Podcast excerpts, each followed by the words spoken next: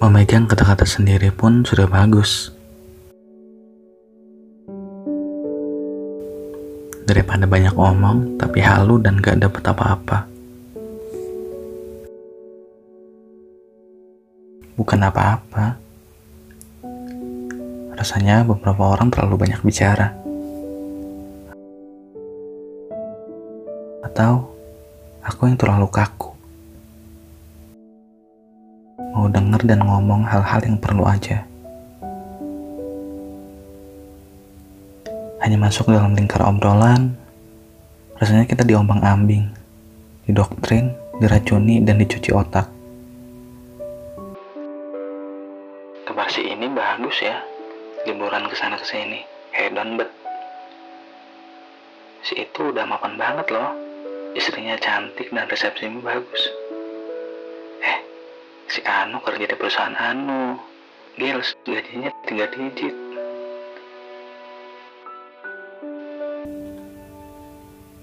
Kadang aku benci obrolan tak perlu. Di saat tahu bahwa setiap orang unik dengan jalannya. Dengan setiap keahlian dan pengambilan keputusannya. Setiap garis takdir dilewati, membandingkannya adalah cara terburuk dalam menjalani hidup. Dengar kabar orang normalnya bagus. Asal jangan buruknya yang diomongin.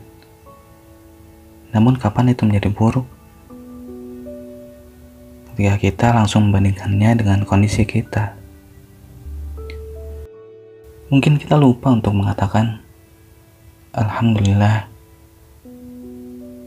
bahwa kabar baik hinggap di mereka. Bukan berarti kita tak seberuntung mereka.